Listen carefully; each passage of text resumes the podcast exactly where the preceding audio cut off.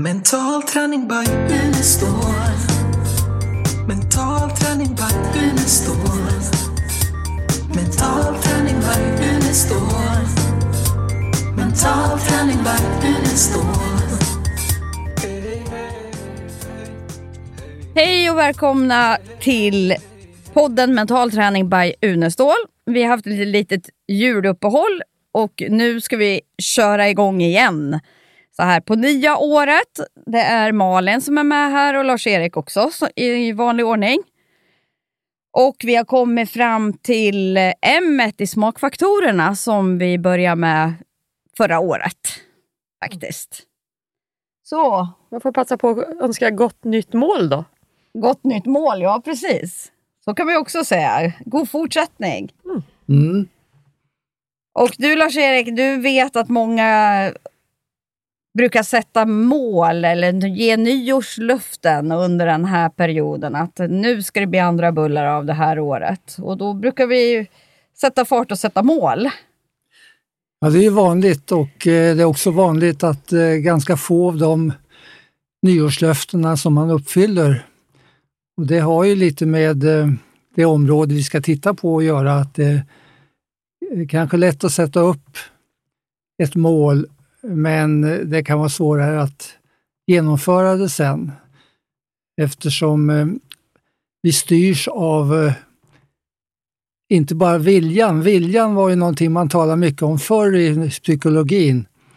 Men den är i stort sett eh, ersatt nu av motivation. Och eh, Det innebär ju att eh, även om man vill en sak så är det inte säkert att man åstadkommer den. Därför att eh, det fordras någonting mera än att bara vilja. Och ibland kan viljan till och med ge motsatt effekt. Man vill för mycket eh, och man blockerar sig. Så vilja eh, är ett begrepp som eh, har försvunnit mer och mer och istället talar vi om motivation. Och där är ju då eh, det här belöningssystemet, dopamin och så vidare viktigt. Eh, vilket gör att man ibland gör saker som man egentligen inte vill. Därför att man är kortsiktigt belönad. Så det finns väldigt mycket sånt som har med nyårslöften och, och förklaringar till varför så få av nyårslöften in, infrias. Vilka är de vanligaste nyårslöftena? Visst har det mycket med hälsa, att du ska gå ner i vikt och du ska börja motionera Ja. och allt vad det nu är. Det har ju med att ändra beteenden Livsstil, ofta. livsstil liksom på något vis. Livsstil och så. Ja. Men eh, vi upptäckte ju redan från början i den mentala träningen att eh, eh, det viktiga är ju att man översätter mål och det man vill till konkreta eh, handlingsplaner där man eh, där träningen, som ju halva ordet i mental träning, blir en väldigt viktig del för att genomföra de mål man har i livet. Så att vi, eh, vi jobbar ju på ett lite annat sätt när det gäller mål än, än vad man ofta gör ute i samhället. Mm. Eh, ofta har man eh, kopplat mål till målsättning. Man, rent intellektuellt sätter man mål. Men det är egentligen bara första steget. För sen eh, jobbar vi ju med att översätta eh, målsättningen till målbilder. Och i och med att man kommer in på målbilder så, så utvidgar man den intellektuella delen till exempel den emotionella delen. Man får alla sinnen med i själva målbilden och man får en koppling till känslor som är oerhört viktigt i mål. Man kan se till exempel att eh, eh, jag vet när jag började jobba med mål ute i näringslivet, så när man kom till ett företag och tog upp det här med mål, så sa de flesta, jo men vi jobbar väldigt mycket med målstyrning. Målstyrning var någonting som alla företag plötsligt skulle använda sig av då för 20-30 år sedan. Och då brukar jag fråga, eh, vad är det då som, om vi säger att det här företaget är en båt på företagshavet eller på livets hav. Vad är det viktigaste på en, en båt? Jo, sa man, det är ju naturligtvis att man har en bra kapten som kan se till att man kommer dit man ska. Och det är ju viktigt att man har en, eh, en bra navigationsutrustning eh, så att man verkligen kan se till att man kommer dit som man vill. Och då brukar jag fråga, ja men om vi skaffar världens bästa kapten och världens bästa navigationsutrustning och båten ligger still. Nej, men det fungerar ju inte. Båten måste ju röra sig. Båten måste ju ha styrfart. Jaha, sa jag. Då är det alltså någonting annat som är viktigast för att komma igång än målstyrningen. Vi måste alltså ha en drivkraft. Vi måste ha någonting som för båten framåt. Annars kan man ju inte styra. Och då börjar man förstå att det är först när man skapar motivation i företaget, när alla medarbetare och chefer blir motiverade för företagets mål, det är först då som man kan tala om målstyrning. Så det blev en, en eh, förändring i många företags sätt att jobba, när vi fick komma in och förklara att det viktigaste med mål eh, från början, det är egentligen att skapa drivkraften och motivationen. Mm. Istället så gjorde man ofta så att man skickade, man bestämde först en liten ledningsgrupp, vilket mål som man ska ha i företaget. Och så skickade man ut ett PM till alla anställda och sa, nu har vi bestämt att vi ska jobba för det här målet.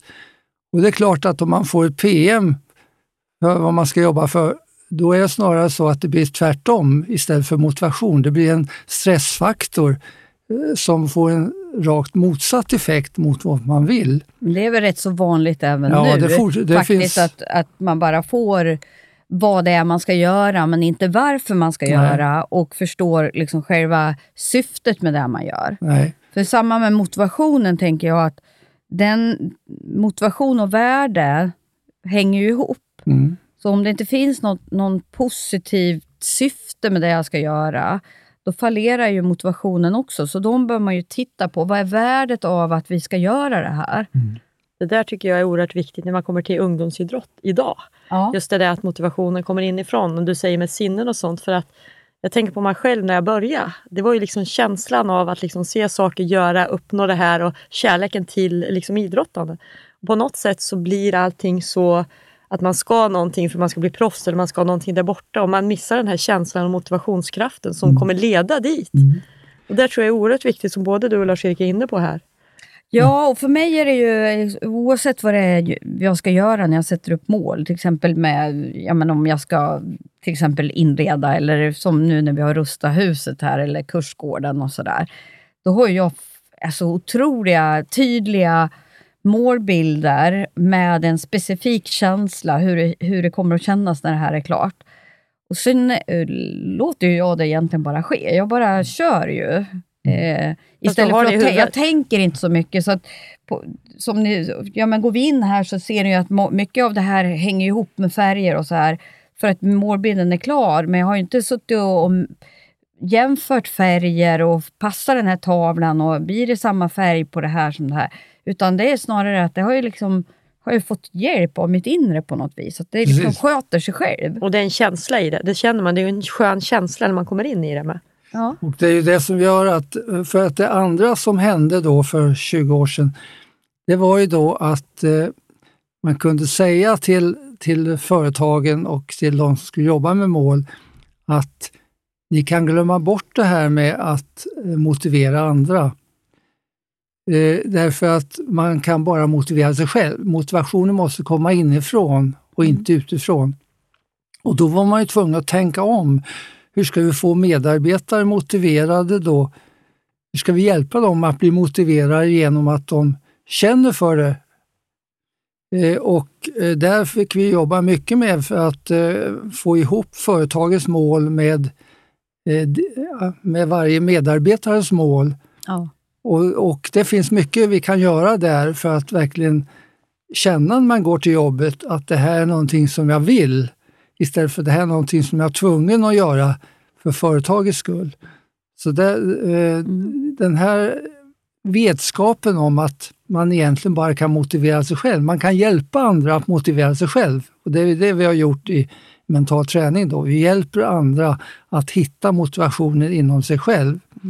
Det har varit väldigt viktigt. Och där är ju en del i det ni sa, att eh, det vi jobbar med att föra över målen till målbilder. Så genom att få leva sig in i, när man är i det mentala rummet, i det här alternativa medvetandeståndet, få leva sig in i hur det känns när man har nått målen. Uppleva det, då skapar det motivation, en drivkraft. Så det är ju eh, någonting som har skilt vårt sätt att jobba från det vanliga sättet. Mm alltså vi går över från mål, intellektuella mål till målbilder och det som skiljer kanske nästan ännu mer, det är det här med målprogrammering, att vi programmerar målbilderna i det mentala rummet och då skapas någonting som är oerhört intressant. Det kan vi komma in på eh, så småningom, vad som händer då. Så att vårt sätt att jobba med motivation och mål har skilt sig mycket från andras. Också på ett annat sätt och det har varit att det här med att eh, det finns ju många begrepp när, eh, det gäller mål. Vi talar om mål, motivation, vi talar om vision, mission, passion, vi talar om affärsidé, verksamhetsidé och så vidare. Värderingar, massor av begrepp. Eh, men det som är viktigt är ju att koppla ihop de här så att det blir ett samband. Och eh, där har vi till exempel eh, sett att om man bara jobbar med det gamla sättet där man har kortsiktiga mål, det eh, har varit väldigt, eh, eh, väldigt vanligt med projektmål i många eh, sammanhang. Man sätter upp ett mål för ett projekt och vad som händer då är ju att när man har nått det här projektmålet så blir det ofta en slags eh, eh, ja, eh, motsatt effekt. Det blir en tomhet som gör att det blir svårare att sätta igång med nästa projekt. I samband med att IT-äran så var det många IT-företag som så, ringde och sa att vi är inne i det femte projektet nu och för varje projekt så blir det allt svårare att motivera medarbetarna. Och då sa jag, det här är någonting som vi har upplevt och som vi har jobbat mycket med i mental träning. Hur ska vi komma ifrån de här, eh, jag har kallat det för bröllopsdepression. Jag hittade det i ett gammalt, eh, i ett gammalt dokument, så talar man om kvinnor förr i tiden hade framförallt målet att bli gifta. Och när man väl hade blivit gift, då kunde man lägga av. Då hade man nått målet i livet. Och eh, eh, när jag nämnde det här i ett sammanhang för många år sedan, då sa en äldre kvinna, ja men vad intressant, för när jag gifte mig så dagen efter gick jag och köpte en ny kappa. Och då säger min mamma till mig, hur kan du gå och köpa en ny kappa? Du är ju redan gift. Mm. Och lite av det här då, att eh, luften går ur när man har nått ett mål, det har jag sett i väldigt många sammanhang. Idrotten är också där väldigt Och tydligt. i idrotten har ju Malin det, inte bara då när man har till exempel eh, nått ett eh, mål för en säsong. Eh, jag har haft eh, eh, möten med till exempel Färjestad när de vann elitserien i ishockey, med Helsingborg när de vann elitserien i fotboll. Och då säger folk, hur kan du ha ett krismöte med, de har ju, de har ju vunnit. Jo. jo, men så vanligt är det att när man väl har vunnit så går luften ur och så har man svårt nästa år. Det finns fem lag i, i fotboll som har åkt ut året efter de vann allsvenskan i fotboll. Och jag var så glad eh, när det gäller Färjestad när de vann. De kunde vinna året efter igen, därför att de kunde gå på med ett nytt mål. Så det här är, är någonting som finns inte bara i idrotten utan Men i livet i stort också. ja, för Helene, du pratar ju någonting om att mål kan ha tjänat ut sitt syfte. Ja, det kan det också. Jag tänker på... Jag fick mig en riktig insikt här för, det är väl två år sedan nu. Kanske ja, lite mer än drygt två år sedan, eftersom vi hade, vi hade lägenhet på Mallorca. Och det har vi haft under många herrans år, har vi haft hus och boende på Mallorca. Sist nu hade vi ju lägenheter. Och eh, jag var där själv. Eh, du, Lars-Erik och Angela skulle komma, komma lite senare, så jag var där två veckor helt ensam. Och så gick jag runt där. Ja, första veckan var rätt så bra. Sen började jag fundera på, men shit, är det det här? Är det här som jag verkligen vill? Man tittade ut, jag hade ju jättefin eh, utsikt över havet och lägenheten jättefint och varmt och skönt och så här. Men det jag upptäckte var ju att ja, men det här är ju inte egentligen det jag vill. För mina barn och barnbarn och vänner och bekanta är ju hemma. Jag vet ingenting vad som händer i livet i min vanliga miljö. Så då började jag fundera, vad är, liksom, vad är syftet med, med vad, är, vad är det för mål jag har egentligen? Och Det jag upptäckte då var att hela min kropp var, var programmerad i ett gammalt mål, precis som vi kan ha en trigger som kickar igång eh, dåliga beteenden eller bra beteenden. Så var det här ett gammalt mål, för vi hade ju tänkt att vi skulle liksom bo där från första början. För många, det var ju liksom 20 år sedan eller någonting. Jag hade ju tänkt att Angela skulle gå i skolan och vi skulle flytta till Mallorca. Men så blev det ju inte. Och då har det här målet hängt kvar. Mm. Att, eh, vi, att jag ska bo på Mallorca. Och det var en sån otrolig insikt att det här är ett gammalt mål och det är inte relevant i nutid. Mm. Så att eh, jag började coacha mig själv och såg att nej, men det här är ett gammalt mål. Jag behöver revidera mitt mål. Och Vilket gjorde då att vi faktiskt sålde de här lägenheterna Mm. och sen satsa här på kursgården istället och renovera och flytta in här. Och det har ju lite med att göra med att hitta eh, kan man säga, målet och meningen med livet Ja. i stort. För att eh, får man inte, gör man inte det, vilket ju är en viktig del i mental träning också, att hitta en meningsfullhet i livet, eh, då blir det ofta så att eh, då blir det närliggande mål, generella mål som man styrs av. Till exempel eh, man ska gå igenom skolan, man ska skaffa sig en utbildning, man ska skaffa sig ett yrke, ett jobb, skaffa sig familj, skaffa sig barn. Men vad händer när man inte kommer längre i sitt yrke och när barnen har flyttat ut? Jo, då kommer det som vi kallar för 40-årskrisen.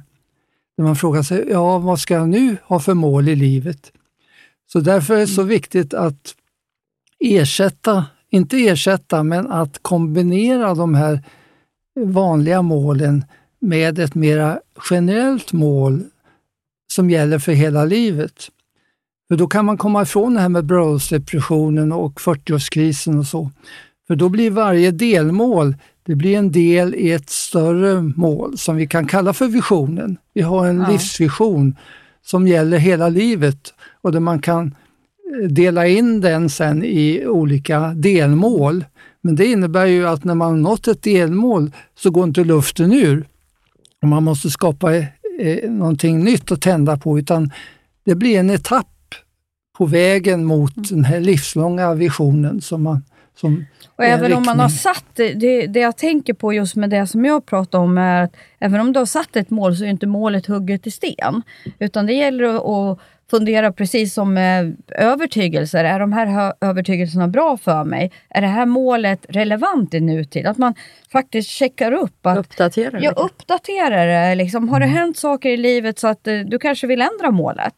Visionen kan vi alltid ha kvar och liksom våra värden, kärnvärden och syften. Målet kan man faktiskt ändra. Och för mig var ju det, det var så himla skönt att bara ändra det målet. Jag kan åka till Mallorca när jag vill i alla fall. Liksom. Det är bara att hyra ett hus eller en lägenhet eller vad Precis, helst. för om man hittar, hittar syfte med livet då, då blir man mycket mer flexibel när det gäller vägen, vägen dit och de delmål man sätter upp i livet. För att vara sportnörd i det här sammanhanget igen då. Och där har vi ett mål som idrottare. Om du har haft som mål att bli duktig i idrott Mm. så tar ju det slut. Mm. Och sen blir du ju jättevilsen. Precis, och det är ju en, en stor omställning för många elitidrottare då eh, Det var ju en kampanj för en del år sedan som hette När applåderna tystnar, vad gör jag då? Och eh, vår vän i, i Halmstad, Natalia, hon har ju forskat mycket på just eh, Vilken vän är i, ta- i Halmstad? Ja, Jag det- vet inte vem det är. professor på, i psykologin där nere. Okej. Eh, Hon har forskat mycket eh, runt hela världen på, hon är väl den i världen som har forskat mest på hur kan man hjälpa elitidrottare till en övergång till livet i stort. Mm. Istället för att det blir så stor omställning och svårighet. Vad ska nu göra? Ja, målet har ju varit så otroligt tydligt och sen liksom, Ja, precis. Och dessutom är man van att eh, liksom bli uppmärksammad för Mm, det man och gör det och plötsligt tyst. så Mm. är det tomt. Så, då blir det en väldigt svår omställning och eh, nu är det lite lättare idag för vi har gjort en hel del för att underlätta det men för eh, när jag startade då var det många som hade väldiga svårigheter. Jag har nämnt förut, jag jobbade med är- Ricky Bruch och Mm. Det var oerhört svårt för honom att gå från den här mediala uppmärksamheten till ett liv utan. Men det det är jag många som på- har upplevt samma sak. Det jag tänker på, det, vi, det ni pratar om nu, handlar ju rätt så mycket om den identitet man har skaffat sig. Och den Verkligen. behöver man ju också uppdatera och titta på och liksom sätta mål utifrån vem, vem vill jag vara när, när jag slutar som idrottare eller vad det nu är för någonting. Vem vill jag, hur förbereder jag min pensionering? Hur, eh, vem blir jag om jag byter det här jobbet? Vem blir jag om jag liksom inte bor på Mallorca eller vart det nu... Men det kan ju vara alla möjliga sådana här frågeställningar. och det är ju oerhört viktigt att gå tillbaks till S då, det som vi varit Ja. inne på förut. Att då Ja. får man nästan ta steget tillbaks för att sen kunna... Ja, titta på sin självbild och identitet. Liksom. Ja, och titta på visionen. Mm. Att, Eh, varför finns jag till? Vad, vad har jag för uppgift i livet? Vad, vad kan jag bidra med? Vad kan, eh, vad kan det vara som ger mig en bra känsla genom hela livet? Visionen har ju, när jag jobbar med visioner så är det tre saker som är viktigt. Den ska kunna gälla hela livet. Den ska visa riktningen. Det, behöver inte vara ett, det ska inte vara ett mål. Visionen är någonting mer än ett mål. När jag jobbade med, med VM-data ett år i slutet av 90-talet så frågade jag, frågar alltid när jag kommer till företag, vad har ni för vision? Och sa de, vår vision är att vara marknadsledande år 2003. Ja, men det är ju ingen vision, sa jag. Det är ett mål. Det vet man ju vilken dag man når. Så ibland förväxlar man visioner och mål, men mål är mer en dröm, någonting som visar vilken riktning jag gå- går. Vision menar du? Ja, vision, ja. Ja. Sen kan man bryta ner det då till eh, olika mål på vägen. Men det tredje som är kanske är det viktigaste, det är ju att visionen ska ge mig varje dag kraft, den ska ge mig eh, inspiration, den ska ge mig kreativitet eh, och inte minst, den ska ge mig meningsfullhet. Ska skapa mening i livet. Så visionen eh, är ju oerhört viktigt att var och en skaffar sig. Tyvärr har det varit så att visioner det har varit kopplat till företag. Då. Företag ska ha en vision, det är inne. Men eh, varje människa, och det jobbar vi mycket med i mental träning, varje människa ska ha en vision som ger just den här kraften och inspirationen och meningsfullheten i, i livet. Det kan jag känna en del människor som är lite rädda för mål. De tycker det är skönt när man pratar med vision och får liksom sväva Ja. ut lite och liksom det inte behöver bli så... Precis, mycket, för då blir man inte lika beroende av målen för att känna motivationen. Fast det, Utan, ja. utan då, då är men sen ta sig tillbaks liksom, så det blir tydligare. Men på något sätt att börja liksom bara dra i någonting. Och det jag, finns, jag, jag tänkte när jag coachar så är det ju, det är ju väldigt många som vill prata om sina långsiktiga mål. Det är inte så svårt egentligen att åh, det vill jag det och om du fick drömma fritt, vad, vad, hur vill du att ditt liv ser ut om 5-10 år? Det är rätt så lätt att prata om. Mm. Men sen när man börjar dra tillbaks då, ja, vad behöver du göra från nuet och ett år framåt för att vara på väg mot det här målet? Då, då är det inte säkert att motivationen och kraften finns där. nej. Så eh, när sätter man långsiktiga mål så måste man koppla det med nuet också. Mm. Annars blir det oftast bara en dröm. Och man gör ingenting utan bara går och väntar. Oj, nu har det gått ett år, två år. Oj, nu är det, har det gått fyra Är det år. ingen och som, har, ingen som har ordnat, liksom. är det ingen som har ordnat det här? Ja, men då får jag flytta fram mål och då är det risk att man inte... Nej, så det visst. gäller liksom att få en helhetskänsla, att en vision, ett långsiktigt mål, en Mm. handlingsplan och koppla det till nuet. Och det, där spelar också visionen stor roll därför att den, den ska alltså eh, genomsyra allt det man gör i nuet. Ja, Jag hade ett, ett, eh, en kurs med eh, tio danska företag på, på deras eh, arbetsgivarförenings kursgård i, i Danmark. Vi skulle jobba fram visioner under tre dygn. Och då tänkte jag att det kan vara bra att uttrycka visionen också i bild. Så att eh, jag bad dem skaffa fram tio konstnärer, så en konstnär fick sitta med i varje företagsgrupp och göra en tavla som föreställde den vision man kom fram till. Sen två år senare så träffar jag två av de här företagen. Då säger det ena att jo då, vi har tavlan uppsatt. Men något mer hade inte hänt, utan den hängde bara där. Medan andra företaget sa vi har tavlan uppsatt och varje dag när vi ska fatta ett beslut så ti- tittar vi på vad säger visionen om det beslutet. Och det är det som en vision ska göra. Den ska genomsyra allt man gör och eh, dagligen både ge riktning, och styrning och, och eh, bakgrund till beslutsfattande men också ge den här kraften och motivationen. Och eh, jag brukar ofta säga att eh, en vision, och speciellt när det gäller företag, det behöver faktiskt, det ska visa sig eh, i vårt beteende. absolut. Det ska liksom vara genomarbetat så man vet. Och de som är ledare, chefer och ägare ska ju föregå med gott exempel. Absolut. För annars Och- kan, och, hur ska du få med dig eh, medarbetarna annars? Det har varit så inne att ha visioner att tyvärr har många bara skapat en vision och sen händer ingenting mer med den. Och man träffar medarbetare som inte ens vet vad företaget har för vision. Och det finns till och med vissa chefer som inte ens vet det. Du, det gör det. Jag, jag har coachat rätt så många eh, företag som inte vet. Ja, de kan, vissa vet inte, vissa har flera visioner. Mm. Vissa vet inte vad det innebär. Ja, vad, vad konkret betyder den här visionen för er? Mm. Hur ska det här visa sig i, i ditt beteende? Och då tittar de på mig som om jag vore något ufo. Liksom. Och Mm. Den hade vi ju inte tänkt på riktigt. Jag, eh, när, eh, jag fick en gåta att lösa en gång eh, innan jag skulle börja jobba med, jag hade jobbat mest med idrotten då på 70-talet och skulle börja jobba med näringslivet på 80-talet. Och eh, fick en, en, gåta att lösa av eh, Se fram-gruppen som jag jobbade tillsammans med då.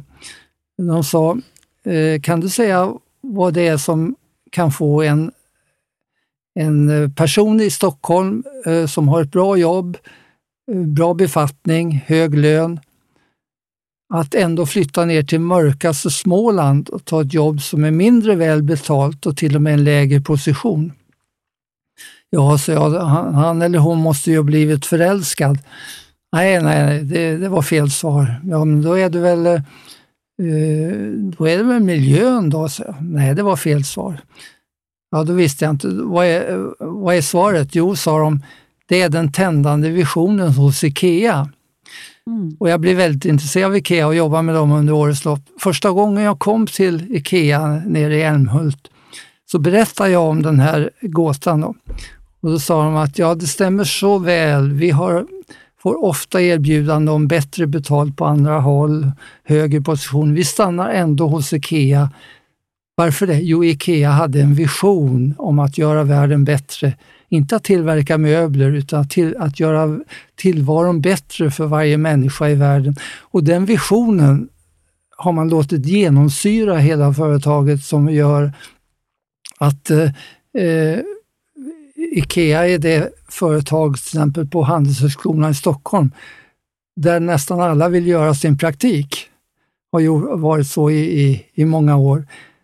Eh, så det är ett bra exempel på vad en vision kan innebära för ett företag, om man låter den genomsyra allt det man gör. Bra exempel. Lå, det, det låter lite som att du är sponsrad av IKEA. Ja, precis. Ja, det ska jag gärna vara. Ska sätta in det på det kontot. tycker den är så bra.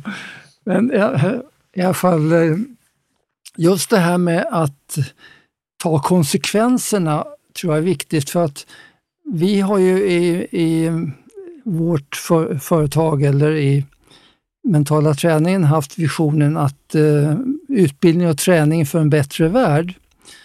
Och i samband med ett eh, tv-program eh, som jag var med i för 20-tal år sedan eh, så berättade jag om den här visionen och då så sa de som var med att ja, men är det någon idé, idé att ha en så vision som låter så flummig och som, som alla egentligen eh, kan vara med om? Jo, men jag sa, ja, det är skillnad då att acceptera den eller tycka att den är bra. Det är skillnad mellan det och att ta konsekvensen av det. Ja, vad menar du då? Jo, sa jag, om vi tar konsekvensen av en bättre värld, det är ju att alla människor, vi jobbar för att alla människor ska få ett bättre liv. Ja visst, sa de, men det är väl ingen här som har något emot det. Vi var ett antal personer i det här programmet. Ja, men är ni beredda att ta konsekvenserna? Så? Ja, vad då? Så? Då vände jag mig till en känd författarinna, en av våra mest kända i Sverige, som var med i programmet. Och sen sa jag till henne, förstår du vad det innebär? Nej, vad då? Jo, det innebär att när du skriver en bok så kan den inte bedömas, om man säger att det här är en bra bok, den kan inte bedömas som en bra bok utifrån skönlitterär synpunkt. Utan det enda kriteriet på en bra bok, det är om de som läser den får ett bättre liv. Men det vill hon inte vara med om, för det skulle ju ändra kriteriet på allting när det gäller tidningar, radio, tv, eh, böcker. Mm. Så ibland är man inte beredd att ta konsekvensen av att jobba för att människor ska få ett bättre liv. Eh, även om man tycker att det har jag väl inget emot.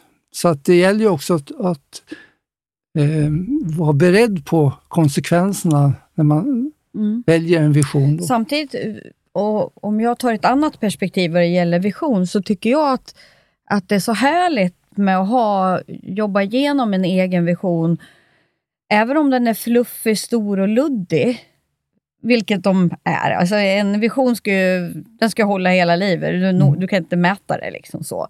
Men det gör ju samtidigt också att det lilla du gör varje dag, Alltså om du hjälper någon att bära ut en kasse till bilen, eller att du hjälper någon över vägen, eller att du, du eh, istället att du är snäll åt någon istället för eh, vad det nu är tränar på att ha en positiv attityd, så ingår ju det i visionen. Mm. Mm. Så när du har en vision, för mig blir det så att du tränar på varje dag och, och bli en bättre människa också. Precis. Vilket och då, då blir det mer det här att uh, den visar riktningen. Och det finns, jag träffar människor som säger att jag har gått ifrån det här med mål. Jag jobbar bara med visionen. Och det är ungefär som, säger man, att det är ungefär som att om man tittar på en seglats på livets hav. Det är som att ge sig ut eh, på, på eh, seglingsturen mot visionen och sen så bestämmer man inte vilka öar man ska besöka, utan man gör strandhugg på de öar som man kommer till på vägen mot vision. Och det är så skönt, säger hon, för att jag upplevde det här målarbetet som stressande. Men nu känner jag ingen stress längre, utan jag känner en frihet. Jag vet att jag jobbar mot visionen, men jag är inte bunden av de här eh, målen som jag upplevde som stressande på vägen. Där tänker jag på, alltså, jag tror att det här är liksom en slags process. Eh, jag tänker eh, om jag skulle haft den inställningen, för det hade jag redan om vi säger från första början, innan jag, eh, innan jag började med mental träning så hade jag ju drömmar. Jag hade ju liksom bilder av hur jag skulle vilja att det var, men för mig var de inte verkliga. Alltså det var inte någonting som jag trodde skulle kunna hända. Eh, och, och det som fick mig att börja tro att jag kunde nå även sådana här drömmar som jag hade, det var ju att jag faktiskt började med konkreta, små, enkla mål som var mätbara. Så är man inte van att jobba med vision eller mål, så tror jag det är jätteviktigt ändå att man tränar på det här, få till de här små målen för mig. Och jag kommer ihåg, jag kunde ju inte sätta ett mål. Jag, till slut var jag ju tvungen att ta personliga mål att, eh, som hade bara med mig själv att göra. Mm. Och när jag väl nådde ett sånt mindre mål, så, så var det precis som kroppen blev tillfredsställd att shit, jag har lyckats. Och det som händer när man har lyckats, det är ju att kroppen, eller i alla fall min egen teori, att kroppen gör en generalisering av att, att man lyckas med det här målet. Då tror kroppen att ja, men då vill nog Helene lyckas med de här grejerna också. Och då förändras flera, så man får en hävstång i att nå ett litet mål. Och helt plötsligt så kan tio olika situationer ha förändrats till det positiva utifrån det, det målet. Så, och Jag tror att det är viktigt att när man jobbar med mål, att få uppleva att, att jag faktiskt lyckades nå det här målet. Och Då behöver det ju vara mätbart och tidsbestämt och positivt formulerat och alltihopa. Men ju mer man jobbar med det, desto mer kommer man över till det du pratar om. Att det här att, det är, att man har en vision, en riktning som man följer. Ja. Och jag märker ju att jag har mycket mer av det nu än vad jag hade tidigare. Jo, visst, och den här babystegmetoden, den är ju som du säger, den är viktig för många för att komma igång med ett målarbete. Ja. Och eh, eh, om man tittar på hur, hur vi skiljer oss från andra eh, så kan man ju säga att eh, vi jobbar inte med smart som man jobbar med över hela världen utan vi jobbar med makt. Och vad är skillnaden mellan smart och makt? Vilka är vi? Unestål Education. Och, jo, skillnaden är framförallt, eller makten, om man lägger till E och N, ekologi och nuläget. Du kanske ska berätta vad, vad Ja. makten står Ja, för ja, till att börja jag med. kan ta skillnad, alla känner ju till smart, men vi kan ta eh, skillnaden då. SM är smart som står för specifik och mätbart. Det är, motsvarar vårt M som är mätbart. Det räcker med mätbart för det också innebär att det är specifikt och konkret. Nu glömmer det du det skil- viktigaste, det ska vara positivt formulerat, Ja, ja. annars är det... Det är någonting som också är viktigt. A, det som skiljer mycket det är A och R. A är smart, är uppnåeligt och är är realistiskt. Jag har slopat bägge de två och istället ersatt med A i makt som är attraktivt. Och Det har jag att göra med att eh, när man säger uppnåeligt så bygger det på vad tror jag att jag har för resurser. Och då blir ofta målen alldeles för låga. Därför att den självbild man har gör att man tror inte att man ska kunna nå mer attraktiva mål, djärva mål. Samtidigt vet vi att attraktiviteten i målet är väldigt viktigt. Det blir en, dri- en dragningskraft som drar mig mot målet om det har en stark emotionell laddning i sig. Vi vet att exempel våra tankar fångas av det som har den starkaste känslan i sig. Och Det gör ju också i det här fallet att det är viktigt att man har en stark känsla kopplat till, till målet så att det är attraktivt. Och Det har gjort också att eh, eh, ta bort det här med R då eftersom målen blir alldeles för, för låga. Och eh, Det innebar ju också då att eh, eh, jag skapade en, en sak från början då på 70-talet Ska du inte göra klart makten så vi får Jo. höra alla? som har med det att göra och det Jaha. var att det här eh, som har citerats ofta de sista åren, ordet omöjligt kan omöjligt användas som framtiden. Den är bra. Att när man säger att någonting är omöjligt, då måste man begränsa sig om till det som har varit. Och sagt, med de, sak, med de eh, metoder och vägar vi har prövat hittills så har det här varit omöjligt. Men om man använder det för framtiden, då kommer man inte ens att försöka hitta de vägar och, och metoder principer som visar att en sak som varit omöjlig blir möjlig. Och det har jag sett så många exempel genom, under de här 40 åren på vad en, vad en sånt begrepp kan innebära. Eh, och eh, ibland så eh, har jag pratat i flera timmar om just den här eh, exempel på vad, vad det gör om man bara ändrar det här till eh, attraktivt och att söka efter det som man förut trodde var omöjligt.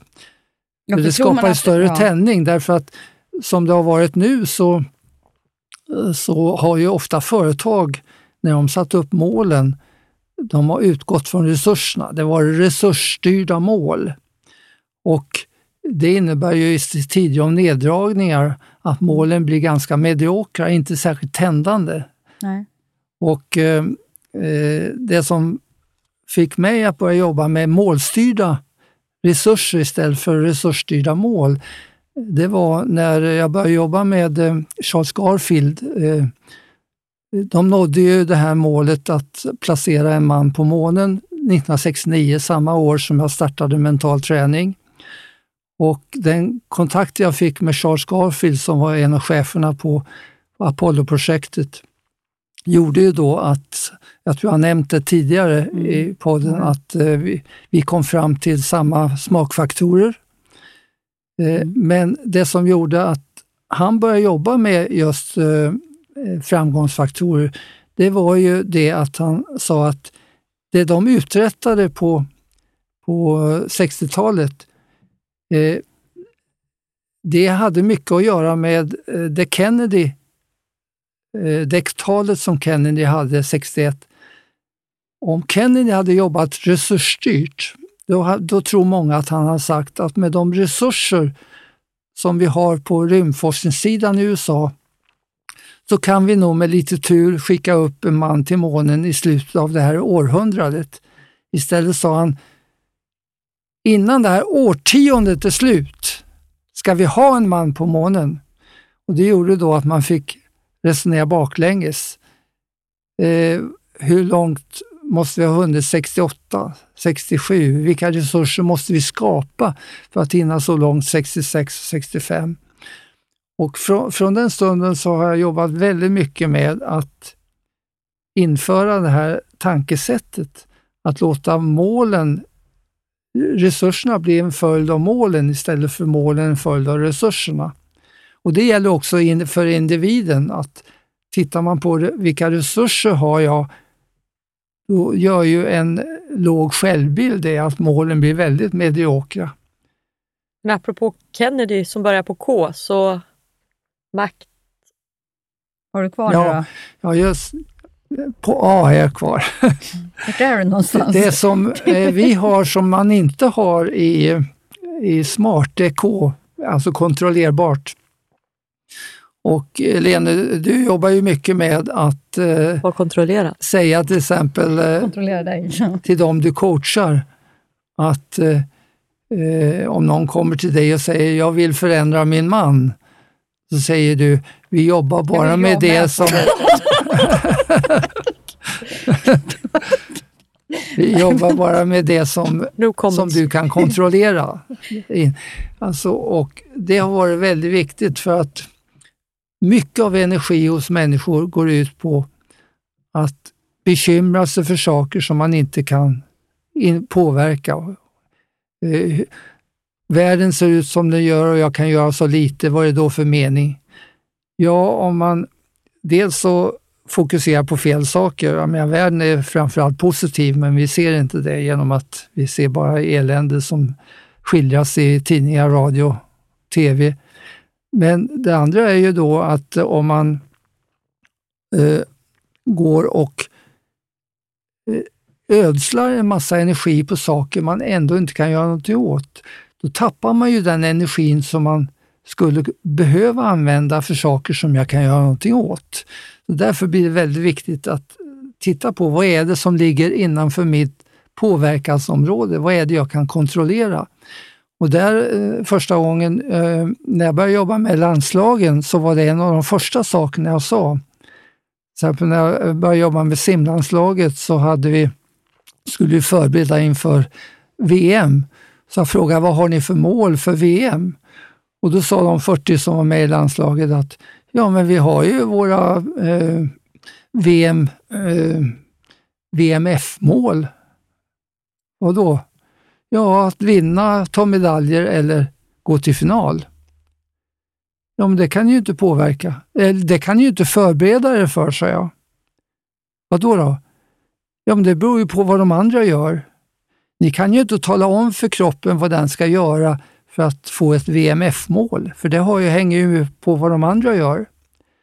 Då fick man ta och prioritera om. Vad kan vi ha för mål som vi själva kan kontrollera? Jo, tider. Och Då fick de sätta upp en tid som de trodde skulle kunna leda fram till ett VMF-mål. Och sen jobbar de med mentalt att simma på den tiden. Och det gjorde ju att man kunde, till exempel som Per Arvidsson, man kunde ha ett mål inför eh, som, eh, VM och inför OS att vinna. Och sen räkna ut vilken tid måste jag göra för att eh, vinna. Och Det gjorde han inför OS. Tre år simmade han på den tiden han har gjort upp som han trodde skulle räcka för att vinna OS. Mentalt tre gånger i veckan. Och sen när han kom till OS så tog han guld. Jag har sett så många exempel på det, att kan man ha mål som man kan tala om för kroppen vad den innebär, då är det någonting helt annat än att sätta upp eh, mål som jag inte kan kontrollera, det vill säga vinna medaljer. Om man summerar makt då, så är det alltså? Det är då mätbart, attraktivt, kontrollerbart och sen TET, det står för tidsbestämt, det är samma som i SMART, så det är ingen skillnad. Och sen eh, har jag lagt till ibland EN, makten. E står för ekologin, att man kollar vilken effekt har målen på andra eh, i min omgivning. Och N står för nuet, det vill säga att acceptera utgångsläget. Jag accepterar att det är nu, att det är så nu och acceptera att jag kan nå det mål jag sätter upp utifrån nuet. Makten över sina mål alltså? Ja, precis. Får jag bara kommentera E, att du sa så här, jag har det ibland. Just det här med ekologin, att jag tycker att den är väldigt, väldigt viktig. Ja, att faktiskt kolla, vad blir det för konsekvenser? För det finns alltid för och det finns alltid nackdelar med allt som jag väljer att göra. Mm. Så även när man sätter upp mål. Mm. Och jag själv personligen vet hur det är när man sätter upp mål och inte har kollat upp konsekvenser. Mm. Det blir positiva, men det är många gånger det har blivit negativa också. Mm. Där jag inte ens hade liksom, tänkt mig att det skulle... Jag hade inte en aning Nej. om att det kunde ske. Mm. Så jag tror att det är viktigt att, att titta på vad som eventuellt blir mindre eller blir negativt och sen kan man då fundera, hur kan jag minska de konsekvenserna? Mm. För målet kan jag ju ha kvar, men bara mm. det att jag blir medveten om det och gör ett val är extremt viktigt. Absolut. Det finns en sak som har med eh, visioner att göra eh, som eh, eh, kan vara viktigt. Det finns en trend, eh, vi försöker jobba långsiktigt medan eh, det är väldigt ofta att man när, när man jobbar med motivation och mål så jobbar man kortsiktigt med, med mål som är inom räckhåll så att säga. Och det gjorde ju då att när eh, eh Charles Garfield tog upp M-faktorn så tror jag vi nämnde eh, tidigare att han, han betonade då det här med eh, commitment. Eh, och jag tror vi nämnde om att det, var, det passar väldigt bra in i USA det här med att det viktigaste i livet för att lyckas, det var att bli committed, att bli engagerad eller lidelsefullt. Och det ledde fram till de här motivators i, i, eh, som åkte omkring och försökte motivera andra. Och eh, de här motivators har funnits i alla år. Och den som eh, eh är mest känd idag är boken Va? som du har boken med. Vad pratar du om? Anthony Robbins Jaha. är fortfarande mest mm. känd. men det här hade en nackdel och det hade det att eh, man gick och lyssnade på dem, blev motiverad, eh, tände till och det räckte några dagar och sen var man nere i det vanliga eh, gråa tillvaron tills man gick och lyssnade på nästa motivators. Så att det här eh, ledde fram till det jag kallar för den mentala jojo-effekten. Man får upp och ner känslomässigt beroende på tändningen som man fick av andra. Eh, och det, när Kristina Maslov skrev den här eh, utbrändhetsboken, Burnout, så visade hon att det var eldsjälarna som hade störst risk att bli utbrända. De som var mest tända därför att de togs ner på jorden hela tiden. Eh, så eh, jag införde en annan modell än att jobba med den här jojo-effekten, nämligen glödeffekten. Och har jobbat med det under alla år för att få en långsiktig effekt. Man kan tända till genom att lyssna på Anthony Robbins och andra. Men istället för att flamma upp och brinna och bli utbränd, att man startar en glöd som finns med hela livet. Och den glöden, hur underhåller man den? Jo, där är visionen en viktig del, för den ger mig ju kraft varje dag till glöden. Och eh, det andra är om jag behöver fylla på ytterligare så finns det i mentala träningen energigivande saker. Man, kan, man har i det mentala rummet till exempel den här eh, Eh, energigivaren och andra saker som man kan fylla på bränslet så att man håller glöden levande. Då jobbar man långsiktigt istället för de här kortsiktiga effekterna som har med projektmål att göra, där luften går ur och sen ska man tända igen och tända igen och så vidare. Så det är en väldigt viktig skillnad i, i vårt sätt att jobba jämfört med det vanliga ute i samhället. Och den största skillnaden måste vi ta till slut. Målprogrammering, fast det är nästan ett eget program för, för det är så mycket intressant att säga om det. Vi börjar komma i mål alltså. Vi börjar komma in. Tiden har ju gått nu. Oj då. Oj då. Annars ja, men får då vi får, kan ju- kan vi spara målprogrammering för, Ja, kan Ja, absolut. Köra den. för den är oerhört spännande. Och nästa gång ska vi ge oss in på A i smakfaktorerna. Då. Ja, eller också får vi köra målprogrammering eh, ett Vad, extra tycker ni, program. vad tycker du Lars-Erik? Ja, det får vi se. Det blir en Det överraskning. blir en överraskning. Vi, vi, vi är agila, vad som Ja, helst kan hända. Ja, ja. För det är ju samma när vi pratar egentligen om eh, vision. Det är inte så bara att hur får, hur får man fram en vision? Det är en process i sig också. Ja, det är det. Som, som inte, man kan inte bara sätta sig och fundera en halvtimme och så får man fram en vision. Nej. Utan det, det krävs rätt mycket för att, så att den, man får fram den som är bäst för Det kan en. vi också återkomma till och det kanske kommer in frågor om det också. Ja. Och, det kan Och väl vilken att, har vi eh, då? Vi tar gärna upp frågor som kommer utifrån de program vi har. Kan ni mejladressen? Den kan ju du. Eller hur? Ja, men jag tänkte om ni kan den. Eh, ja, det är frågor at unestall.se. Ju. Det finns fler än jag som kommer ihåg den. Ja. Tackar. Vad bra. Ja, då tackar vi er alla som har lyssnat på det här programmet och ni är välkomna tillbaks nästa söndag. Ha det så bra så länge. Hej då. Hej då. Hej hej! Mental träning by Unestål. Mental står. Mentalt handling, vakten är står.